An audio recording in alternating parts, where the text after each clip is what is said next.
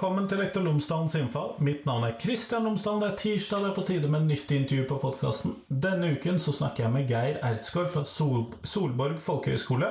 Vi snakker rett og slett om uh, folkehøgskolepedagogikk og hva vi andre i de vanlige skolene kan lære av dette. Hvilke ting bør vi ta inn over oss? Hva kan vi hvilke positive aspekter er det her? Eh, hvorfor er folkehøyskole så bra? Eh, og dette her er det helt sikkert noe vi andre kan lære, selv om vi har litt andre forutsetninger.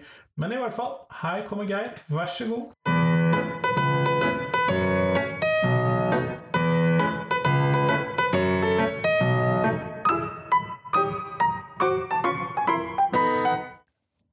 Geir Ertsgaard, tusen takk for at du har tid til å komme hit på podkasten i dag.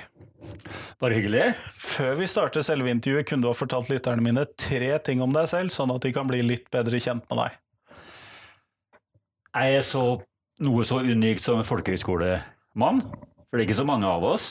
Nei, det er jo ikke det. Nei, det er ikke det. Vi ja, fire, fem, 600 stykker i Norge. Det er kanskje flere. Eh, en, plass mellom 500 og 1000, kanskje du skal si.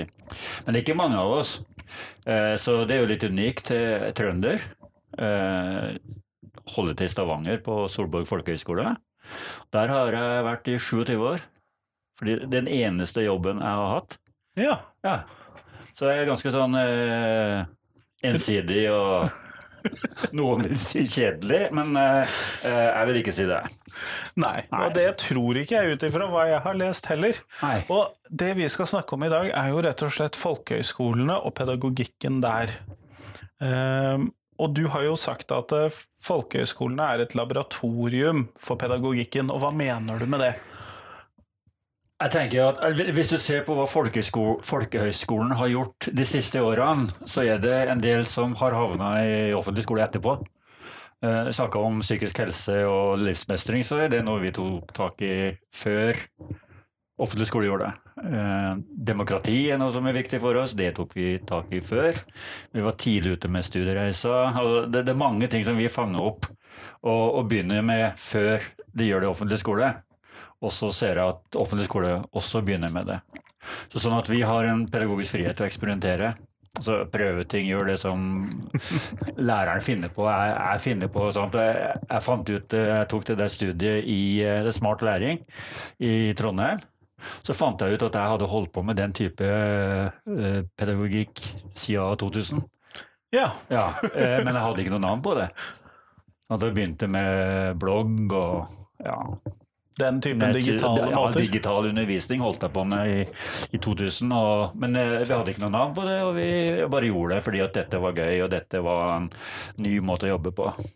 Så det er sånn, Vi kan prøve ut ting, eh, feile. Noen ganger funker det ikke, noen ganger blir det bra. Og det beste ser vi igjen i offentlig skole. Tror jeg. Senere. Senere, ja. Litt senere noen ganger. Uh, psykisk helse og livsmestring, det, det har, Jeg har jobba litt med det da, sentralt. Uh, men det begynte vi vel med i, for fem år siden. Uh, og det var før de begynte å snakke om det i offentlig skole på måten de gjør nå. Men det kom jo raskt inn, da. Så, sånn at Noen ganger så er det ikke så lang tid, men andre ganger så ser jeg at vi jobber med ting ganske lenge før det kom i offentlig skole. Mm. Men det andre eller, og, og, da tenker jeg også at det var noen som sa til meg, da, snakka om det her, at eh, vi er som værhane. Altså, vi, vi, er på toppen der, og så blåser vindene, og så, og så peker vi retning. Og så de som står på bakken, de kan kikke opp og se ok, nå, hvor, hvor, peker det hen. Så, eh, ja. Sånn er vi i et laboratorium, tenker jeg. Ja. Uh, og dere er jo ofte Dere har jo ikke mye felles sånne store læreplaner og den type ting som dere må følge, vil ja, jeg tro? Det, skal du, det skal du litt lenge etter. Uh, det er opp til den enkelte lærer, altså. Eller enkelte skole. Uh, det er forskjell fra skole til skole åssen de jobber med det, fordi at hver skole er helt autonom. De gjør omtrent sånn som de vil, bare de forholder seg til folkehøyskoleloven. Eh, og noen skoler kjører tett på det og har krav om, om eh, fagplaner og modeller, og, mens andre skoler gir læreren frihet til å gjøre det læreren vil. Da. Så jeg har ansvar for, for mine fagplaner i de fagene jeg har nå, som er Ja, jeg har ja, temafag. Uh, nå har jeg om altruisme, f.eks., uh, som et uh, fag i vår. og Da har jeg laga min egen fagplan. eh, godkjent av ingen, holder jeg på å si. Nei, for du er ansvarlig for å utarbeide fagplanen. Ja, jeg er ansvarlig for å utarbeide fagplanen og gjennomføre det. Og, og den friheten har alle lærerne. Og det gir jo mye handlingsrom, da, og litt handlingslammelse. Ja, for det, når du har full frihet, så kan jo det føre til at du ikke kommer helt noen vei også. Da jeg begynte på, på Solborg for lenge siden, så var jeg jo sjokka. Jeg skjønte ingenting. Jeg skjønte ikke hva skoleslaget var. Jeg kom dit, jeg fikk beskjed om at du skal ha matte og engelsk. Og så spør jeg ja, hva er innholdet? Nei, det bestemmer du. Og, og ikke kunne motivere med karakterer. Og ikke hadde vi noe sånn sluttmål annet enn at de skulle få jobbe med engelsk. Eh, og det fungerte dårlig. Så da jobba jeg litt med å få de fagene ut, eh, for jeg så ikke, så ikke funksjonen deres. Mens idéhistorie og filosofi, som jeg også hadde den gang, det funker på en helt annen måte. Det høres ut som sitter en del igjen i altruismefaget ditt nå, for Ikke sant? Ikke sant? Mm. Sånn at eh, jeg har friheten til å forme det som jeg vil, men selvsagt ut fra skolens verdier da, eh, og, og de rammene som skolen setter, som, eh, som jeg også er med og setter sammen med, med lærerrådet vårt, da, pedagogisk råd. Nettopp, nettopp. Sånn at det- er en del frihet, og man får testet ut en del ting. Mm. Eh, Så det kan jo forklare laboratoriet Det er den andre siden av det, at vi kan prøve ut veldig mye. Men eh, det, når jeg, når jeg snakka om det der, så, det, så tenkte jeg først og fremst på det der at det burde vært et laboratorium for offentlig skole også. Altså, jeg, jeg har tro på at uh, høyskoler og universiteter kobler seg opp mot oss. Og videregående skoler kobler seg opp mot oss fordi at vi fanger opp ting. Altså, jeg har 15 timer i uka med mine elever i mitt fag, eh, som er foto. Eh, og får altså, kommer veldig nær elevene på en måte som jeg vet at du ikke kan som lærer i videregående skole, fordi at rammene i videregående skole er så stramme. da. Kjempedyktige lærere. Eh, det er ikke at vi er bedre lærere, men, eh, men vi har en helt annen Rammene er annerledes. Rammene er annerledes, vi får sitte og prate. Eh, Og da fanger vi opp mye. Og jeg tenker at mye av den kunnskapen vi, la oss si 1000 lærerne sitter på, gjennom mange års eh, kval kvalitative undersøkelser, da. Det er jo i praksis det. Ja, ja. Det er noe som både eh, universitetene og, og videregående kunne hatt nytte av. Eh, Jeg kunne ha tenkt, nevnt et eksempel. Fordi mye av det vi får ofte sånn Nei, læreren på videregående var ikke god. sant? Du skylder på læreren, og så går du inn i en, en samtale med dem om det. For vi prøver jo å bryte ned sånne altså Det handler ikke om læreren, det handler kanskje om systemet, det kan handle om altså mange ting. Uh, og jeg hadde, jeg hadde en, uh, prat med klassen, for jeg fikk dem ikke til å prate. Og det var sånn tendens jeg merka fra år til år, at de blir stillere og stillere. Uh, Snakka mye i friminuttene.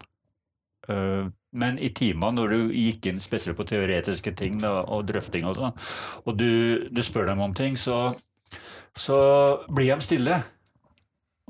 Og det oppfatter jeg som eh, eh, ytterst sett et demokratisk problem. Og da var det en av elevene som sa at eh, nei, vi utdannes til stillhet. Jeg kunne sagt holde kjeft, da, men eh, jeg, ja, vi, vi utdannes til å holde kjeft. Fordi at vi he, gjennom hele skoleløpet Vi starter ganske åpent, og så lenger og lenger opp vi kommer, jo mer og mer opplever vi presset. Og det er det sosiale presset gjennom sosiale medier som, eh, eh, som, som har en sånn gjennomsiktighet, men også det faglige presset. Sånn at uh, jo lenger de kom ut i videregående skole, det stillere ble de, mindre ville de rekke opp hånda i timen. Uh, og til slutt så ble ikke noe igjen å si. Uh, og, og, og det er noe som jeg ser faktisk skjer i vårt elevmateriale, da, som dere ville kalt det.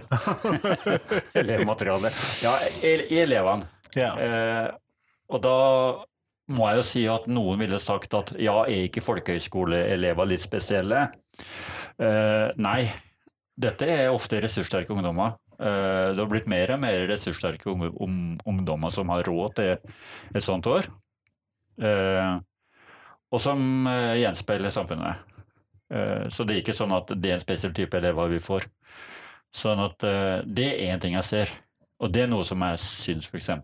videregående eller høyere utdanning kunne ta, ta tak i da, sammen med oss.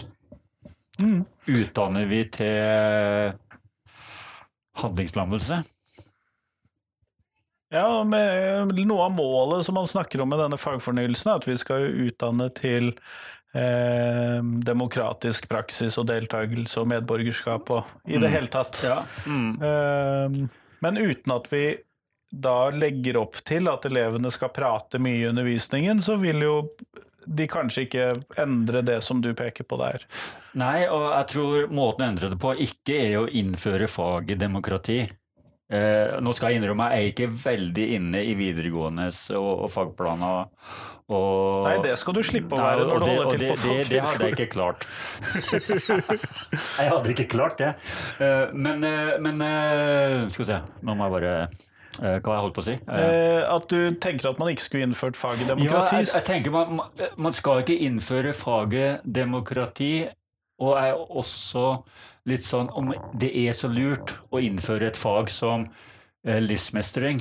ja, Eh, eller sånn tverrfaglig tema ja, er det blitt. ja, fordi at eh, det er gjennom handling, det er det gjennom det du gjør som skaper demokrati. Det er gjennom det du gjør som, som skaper et sunt miljø. Sant? Eh, å ha undervisning om la oss si psykisk helse, da. Én ting er at elevene mettes ganske fort. Skal vi snakkes nå igjen? Skal vi snakke om det nå igjen? Eh, men det andre er at det ikke nødvendigvis gjør deg mer åpen. Eller gjør deg ikke mer demokratisk, men hvis undervisningsmetodene er demokratiske i natur, eller, eh, eller eh, legger til rette for åpenhet og dialog og, og ærlighet og, og mange sånne ting, så vil det i mye større grad, tror jeg, bygge opp de tingene enn at det skal være et fag.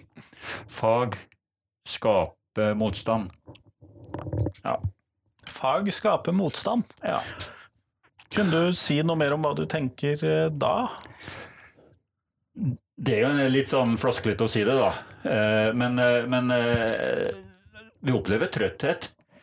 Det gjør vi også, hvis vi gjør noe for mange ganger. Eh, Og hvis vi tar opp et tema for mange ganger, eh, så blir det en slitasje, og du blir lei av det. Ja, Det merker man jo på fellesmøtet på jobben òg, for den saks skyld. Ikke sant? Eh, Jeg husker fra da dattera mi gikk på skolen på, i Stavanger, så hadde de et veldig fokus på mobbing. Eh, Og de kjørte mobbekampanjer, og så målte de før og etter. Og, så var, og forholdene var verre etterpå, fordi at det ble vendt noe negativt. Sånn at, og den sangen 'Hei, stopp, ikke mobb kameraten min' ble en sånn parodisang mer enn at den virka som noe som forebygde mobbing.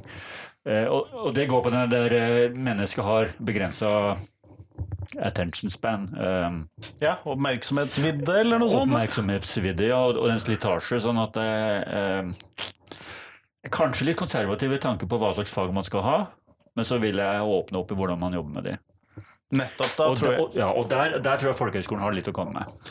Men når vi ser på folkehøyskolepedagogikken, hvordan Mm. tenker du at uh, Hvis vi ikke bare ser på temaene som vi jobber med og sånn, men uh, hvordan tenker du at den offentlige skolen kan eller bør lære av folkehøyskolene på hvordan man driver skole? Det er vanskelig, da. er skole? Ja, Det er vanskelig å si, fordi at folkeskolene er så forskjellige, sjøl selv om vi har noe til felles. Først og fremst eh, så har vi jo ikke eksamener, og vi har ikke karakterer. eh, og, kan, og kan jobbe med den indre motivasjonen, Uh, som både en utfordring og, og en frihet. Sånn. Det kan jeg se vi for meg. opplever folk som melder seg ut fordi at de har ikke noe sånn at uh, nå må du. Og det stiller jo ekstra krav til oss som, som, som må jobbe med motivasjon. da. Så motivasjon er av og til et tema eh, vi kunne ha jobba mer med. Eh, men eh, jeg, ten jeg tenker den lærerstyrte undervisninga, den finner du lite av hos oss. Vi er fasilitatorer i større grad enn det vi er Jeg holdt på å si demagoger. det er litt farlig, men, men det er klart det skjer mye offentlig skole rundt det å åpne opp pedagogikken og sånt, men, men, men vi har drevet en dialogpedagogikk i mange, mange år. Altså, jeg begynte på begynnelsen av 90-tallet, og da, da, drev vi sokratisk pedagogikk. sant? Stille de gode spørsmålene, eh, legge til rette for eh, aktiviteter. Eh, og, og, skape læring i det. Eh,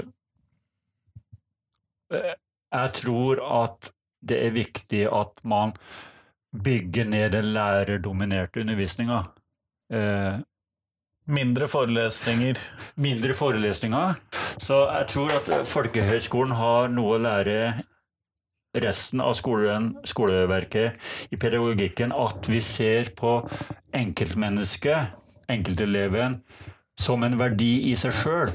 Og vi gjør det ikke for at eleven skal være nyttig for samfunnet. Eh, ikke fordi at eh, ja, for at eleven ikke skal være nyttig for samfunnet, men for at eleven har en verdi i seg sjøl som menneske. og Derfor så er det viktig at vi legger opp til en undervisning som gir, har det fokuset først og foran alt. Nettopp. Ja, det, det, er noe som er viktig for oss. Eh, hos oss er faget en metode, ikke, ikke et mål i seg sjøl. Det, det, har en verdi, faget har en verdi, men det overordna er menneske. Og den tankegangen mener jeg må dominere skolen også, og det gjør den ikke i dag. Altså Det henger igjen at uh, Min oppfatning er at i offentlig skole så henger igjen det som Arne Krokan snakker om, det industrielle synet på læring, der du er en produsent og du skal skape noe i samfunnet. Vi utdanner gode fabrikkarbeidere osv. Ja, ikke sant. Ikke sant? Så, så der, der, tror jeg vi har en del å Altså, Vi har muligheten til å gjøre det, og vi gjør det i stor grad. Og vi gir to, stor plass til enkeltmennesket. Eh, og vi gir stor plass til enkeltmennesket i, sammen med fellesskapet. Fordi at fellesskapet er så grunnleggende hos oss. Eh, at vi kan hjelpe folk til å bygge opp et, et, et jeg i et vi hvis du forstår. Ja. ja du må ta vare på enkeltmennesket, og så må du ta og hjelpe enkeltmennesket til å finne sin plass i det store vi-et. Som kan være klassen, det kan være skolen. Altså Skolene våre er jo ikke Den største skolen er vel 180 elever. Ja, de er ikke så store. De er ikke store, sant. Og, da, og jeg har uh, hatt et sånt snitt på 16 elever, tenker jeg, som jeg har hatt et hovedansvar for. Og, og, noen kan jo si at det er jo helt andre rammer, sånn ressursene er helt annerledes. Uh, men jeg tror noe av veien å gå er der, altså. Uh, jeg, tror, jeg, tror, vi har noe å lære andre der i den måten å tenke på. Det vi har å lære av offentlig skole og skoleverk ellers, er jo at vi, vi er i stor grad praktikere, og vi trenger det pedagogiske språket for å definere det vi holder på med. Ja, nettopp sånn. Ja. For å klare å formidle det kanskje også? For å formidle det, men også for å være bevisst og forbedre det. Og utvikle det videre. Og, og hvis vi som bevegelse ønsker å ha en betydning i samfunnet, som står i lovverket, lov, folkehøyskoleloven, at vi skal være, så tror jeg det er viktig at vi har den bevisstheten, og at vi utvikler det språket sjøl også. Så nå prøvde jeg å forklare deg et begrep nå, i noe som sikkert ble kutta vekk. Uh, og, og, det er litt sånn å ikke ha et språk for den praksisen vi faktisk har, hvordan skal vi da kunne snakke om vår praksis? Nei, og da blir jo det veldig vanskelig å kunne ha den dialogen med disse videregående skolene eller disse grunnskolene. Ja, i hvert fall der det er veldig fokus på, fokusert på pedagogikken. Det er klart, eh, Hvis fokuset er på faget, så går det an. Eh, for vi har noen felles interesser der. Eh, og hvis jeg snakker om enkeltmennesker, så, så, har vi eh, et språk, men når det gjelder å lære å sette inn i sammenheng og sånn, så kan det hende at vi mangler et språk. Fordi at vi er såpass mange praktikere, da. Folkehøgskolen er en skole full av praktikere. Med de fordeler og ulemper det har. Med de fordeler og ulemper det innebærer, ja. Jeg er jo en teoretiker sjøl, altså for meg så er det litt sånn anakronisme å jobbe i folkehøgskolen, fordi at eh, det er veldig mye praksis. Og det går fort til sånn Ja, hva gjør vi nå? Og så er det å finne på et tiltak. sånn. Da, da, gjør vi det. Men hvorfor gjør vi det? Hva forankrer vi det i? Eh, hva skaper det?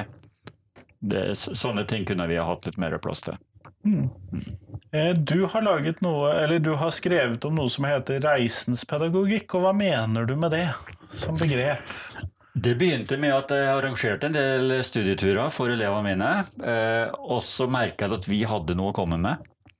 Eh, og så hadde jeg lyst til å, å samle inn det, fordi jeg mener at det er noe som Det er et område der vi har noe å bidra med overfor, overfor andre. Eh, og det å bruke reisen som pedagogisk metode og, og tenke helhetlig om reisen det var det ingen som hadde gjort før.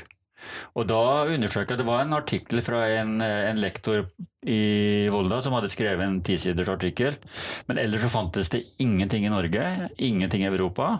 Jeg fant én eh, bok i, fra et universitet i USA, i Florida, som hadde skrevet om det. Men tanken er det at også reisene må begrunnes og forankres i pedagogikken. Ikke bare fordi det er gøy å dra på tur? Ikke fordi det er Ja, nettopp. Det, det, er gøy å dra på tur. Eh, og jeg opplever at reisene er en, en intens form for eh, pedagogikk. Det kommer veldig mye ut av det. Eh, sosialpedagogisk, veldig stor grad. Fordi du kommer nærmere inn på folk. Eh, men også vanlig pedagogisk. Eh, F.eks. nå så var jeg på en reise i fjor. Og så satt vi på Jeg skal ikke si på ei strand, for det gir sånn feil bilder, men vi satt vel et eller annet sted og kikka mot havet. Og så snakka vi om klimaendringene og klimastreikene her i, i, eh, i Norge. Og, og, Greta Thunberg. Og så kom vi inn på å diskutere på hvorfor har vi ingen norske klimastreikere? Eh, og den samtalen, den kom i gang fordi at vi var ute og så. Hadde jeg hatt den samtalen eh, i, eh, i, Stavanger, så hadde det vært mer opplevd som en pekefinger. Sånn ja. Nå skal du som lærer fortelle oss Men der opplever man det sjøl, fordi at man kan se hvordan opplever dere Norge på avstand, f.eks. Um, ehm, og, og, og, da bruke, og, og, det er noe som vi, vi hos oss f.eks. gjør veldig bevisst. At at vi har refleksjonsmøter hver dag. Uh, vi setter sammen grupper når det gjelder å lage mat. Vi tar også for å bygge, bygge gruppeidentiteten. Uh, veldig viktig med refleksjon over hva vi lærer mens vi er underveis. Og så har vi både forarbeid og etterarbeid. Og reflektere litt over hvor mye vi skal sette folk inn i på forhånd. Når skal vi legge trykket for læring? Sant? Uh, det er mange sånne problemstillinger. Finnes det etisk forsvarlige turer nå til dags i forhold til, til situasjonen som den er i verden? Um, hvordan begrunner vi reisene våre i, i, dagens situasjon? Jo, vi må ha pedagogisk forsvarlige grunner til det. Eh, ellers, må, ellers, må, vi slutte med det. Sånn, sånn at eh, Reisens pedagogikk handler om både det kulturelle, det personlige, det, det faglige. Eh, men at reisen har en spesiell det en spesiell setting da, som, som, krever en spesiell innfallsvinkel. Så da, Det var sånn vi tenkte, og da, da foreslo jeg at vi skrev en bok om det for å samle folkehøyskolekompetansen. Da. Og da, da laga vi en sånn artikkelsamling som tar opp en 14-15 tema eh, rundt reisen. Og fordi at jeg ser ikke, fremdeles ikke, at det skjer i offentlig skole. Det, det reises masse Eh, både videregående, det har kanskje blitt mindre av det. Men Foreløpig ikke her, i hvert fall. Nei, sant. Eh, så høyskolesystemet og, og, og, og, universitetssystemet, så er det jo masse sånne studiereiser og praksis og sånn, men, men hvordan jobbes det med pedagogikken rundt det? Er det for at det er attraktivt, at de skal trekke elever? Er det fordi at det er viktig med tanke på at du skal bli eh, Altså, jeg møter Jeg, jeg drar til Zambia hvert år. Eh, jeg møter folk som er på praksis fra lærerskoler. Hvorfor er de å ha praksis på en, på, på en, på en uh, ungdomsskole i Zambia? Hvilken relevans har det for utdanninga i Trondheim? Uh, det kan veldig godt hende at det har det, men jeg mener at reisens pedagogikk handler om å forankre det i en spesiell tenkning om reisen. da. Fordi at Når du drar på noe sånt, så har du kulturmøter, du respekt for eh, andre kulturer, du har med etikk, læreretikk. Det, det, berører mye. Ja, det høres ut som du får mange aspekter som da må til. Både én for å så forsvare, men kanskje også for å forsvare turene, og kanskje også for å begrunne turene.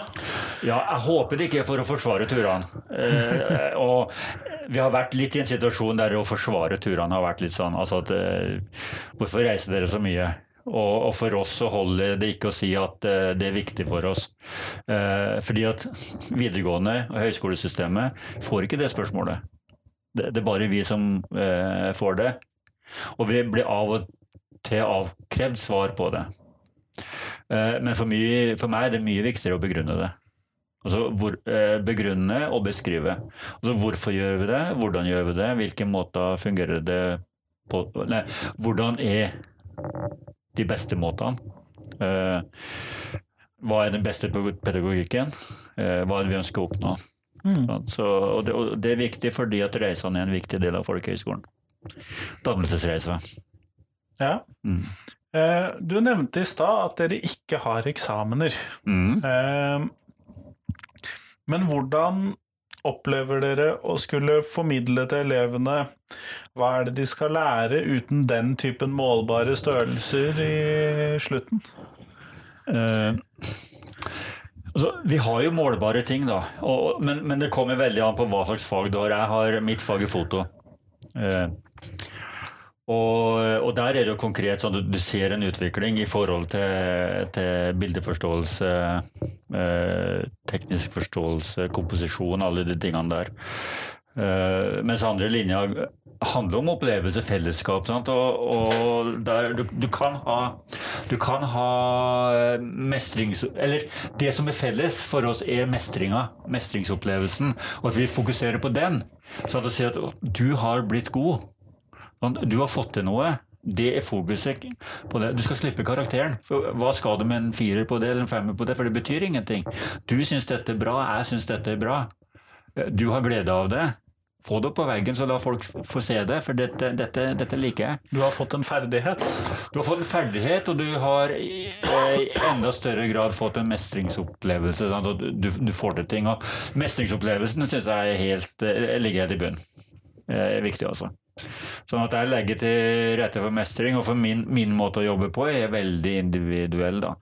Har, eh, legger til rette for uh, sosiale Altså sette elevene sammen i grupper, lage fellesprosjekter. Men min rolle som lærer er i veldig stor grad det å være mentor. Gå inn til den enkelte og så snakke med den enkelte. og Lirke litt hit og dytte litt dit. Og, og, jeg tror noe av det mest motiverende for en elev er ikke at det er en eksamen framme der, men at jeg setter meg ned og sier 'hei, godt jobba'. For da, da, ligger gleden og motivasjonen i det de gjør, og ikke det du skal prestere. Tror du vi kunne fått til offentlig skole uten eksamen? Eller den ordinære skoleløpet da, uten eksamen er vel kanskje et bedre spørsmål? Jeg skulle ønska det, for jeg syns det, det, er en uh, trist ting, egentlig. Uh, jeg er rådgiver, og jeg har masse samtaler hvert år. Og altfor ofte så møter jeg folk som opplever Som kommer og sier til meg 'Jeg har lyst til å bli det eller det'. Og jeg kan, fordi at jeg har vært sammen med den eleven i et år, og, og, og blitt kjent med den eleven, si at 'det tror jeg du passer til'. La oss se på karakterene dine. Nei, dessverre, men du må ha ti ekstrapoeng for å komme inn på det. Og så er det en person som eh, i løpet av den vinteren eller i løpet av det siste året på videregående eller i, i den fasen der plutselig våkner opp, og så sitter karakterene som en klamp om foten. altså. Og det sier ingenting om egnetheten deres til å, å, være det de ønsker å være. Så, så, for meg så er det en forferdelig uting. Eh, karaktersystemet i den forstand. Jeg skjønner jo at du må ha det, men jeg, men jeg ville ha minimert det. Og så ville jeg ha Hadde jeg vært eh, Hadde jeg vært eh, utdanningsminister, så hadde jeg forbudt disse privatskolene som skal forbedre karakterene. Jeg mener at det skaper en skjevhet, eh, og den utnytter et marked som ikke behøvde å vært der. Jeg skulle ønske at det var mer av Steinerskolens måte, altså du får sånn beskrivende du er egnet til det, du er flink med mennesker, du snakker godt. Ja, du, du er ikke den skarpeste i matte, men du er verden så flink til det, det, å se på folk. Men det er den som er god i matte, som blir psykolog. Mens den som er god til å se mennesker, kom ikke inn, for den har brukt ungdomstida til, ungdomstida til å se mennesker. Og det er en sånn eh, Nei, jeg, jeg, jeg syns det jeg, jeg liker det ikke, altså. Eh, og vet at det er vanskelig å ikke gjøre noe med det, og mange liker det, men, eh, men for meg så burde vi klart å utvikle andre systemer. Vi får det til i folkehøgskolen, og vi sender folk ut etter et år også som har ja, strak rygg og stolthet og, og vet at de mestrer ting. Eh, men ulempen hos oss er at det fører ikke til at de får noen fortrinn etterpå. Men jeg vet jo at det skjer også. altså Vi kvalifiserer til, eh, folk til ting. Men det er ikke alltid at høyere utdanning kan eh, ta inn over seg de kvalifikasjonene vi gir elevene. Og, så, ja. og jeg tror derfor folkehøgskolen er så viktig, fordi at den har det rommet å jobbe sånn og vekke folk litt og gi folk troa og se folk og gi folk litt gnisten tilbake. Fordi at, eh, som jeg sa om det med det stille klasserommet eh, Når du går inn i en kvern sånn, så du, blir Du får vinnere, men du får veldig mange som anonymiseres. Eh, og anonymisere mennesker, det er det ingen som fortjener. Nettopp, nettopp. Eh, og det poenget ser jeg jo, og målet for oss lærerne må jo være å få flest mulig av de aktive på sine vilkår, og det kan jo være vanskelig av og til med 30 stykker i rommet. ja, ja det, det, er klart det. Eh, og så er det mange, ja, og da er du inne på 30 stykker i rommet, bl.a. fordi at eh, det ikke finansieres for nok lærere. En annen grunn er at det ikke finnes nok kvalifiserte lærere. Og da er du inne på lærerkvalifiseringa, da. Det der med poengkrav. Eh, som også ser som en kjempeulempe. Det er mange. Det er sånn gjenganger hos meg, folk som sier at ja, jeg kan tenke meg å bli lærer, jeg har ikke karakterene. Og, eh, og, og, ha såpass begrensninger der at de Altså, du kan være en god samfunnsfaglærer. Uten fire i matte? Ikke sant. Ikke sant. Så jeg, jeg, håper, jeg, håper, de våkner snart, altså. For det der er en, det er en uting. Jeg skulle ønske at det blir retta mer, altså tyngden blir retta mot det som skjer etter videregående skole. Altså, Karakterene skal skille, og den skal vise retning og sånn, men, men, eh, det er andre ting, andre prosesser. Det skjer en oppvåkning hos folk nå som kanskje skjedde da du var 15 eh, for en del år siden, men den skjer når du er 20, 21, 19. Og da er det for mange for seint. Eller du må inn i den kverna med privatskoler og, og kjøpe deg karakterer. Og, og, karakterer som du ikke trenger, altså. Mm. Eh, hvis vi skulle ta oss For vi går mot slutten av podkastintervjuet nå. Og mm. hvis vi skulle ta oss og kaste ut noe ut av skolen du fikk, du fikk lov til å bestemme, hva er det første du skulle tatt bort? Oi. Eh, det er jo vanskelig for meg å si siden jeg sitter på utsida. Eh, men jeg ville hatt færre fag og konsentrert, konsentrert meg. Eh, jeg tror nok jeg ville tatt og rydda litt opp i norskfaga. Eh, færre norskfag. Eh, jeg tror mye av det er repetisjon. Og at man kunne stoppa litt tidligere og heller hatt en fordypning for noen på norsk. Spesielt interesserte, for mange er godt nok skolert i norsk uten at de skal ha så mange timer på det. Jeg er litt skeptisk til, til at man innfører livsmestring og, og demokrati som egne Eh, egne fag. Jeg tror kanskje jeg vil si det. Rydde opp i norsken. Rydde opp i norsken. Ja.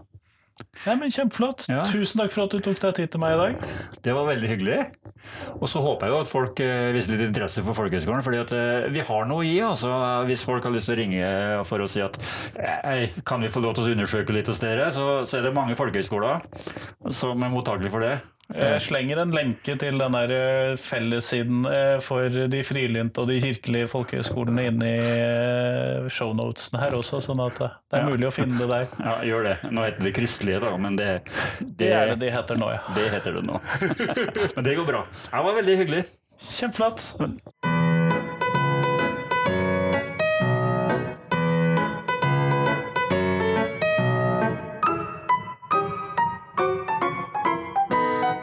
Tusen takk til Geir, og tusen takk til deg som hørte på. Dette var episode 199. Og det betyr jo selvfølgelig neste episode er nummer 200, og da må vi feire litt. Da kommer Elevorganisasjonen i Vestland og Ungdommens bystyre i Bergen for å snakke om hva de savner i skolen, hva de trenger for at det skal bli en bedre skole, hvilke tips og råd har de. Så eh, neste uke i hvert fall, episode 200, det blir rett og slett en fest. Vær så god, ha en fin uke.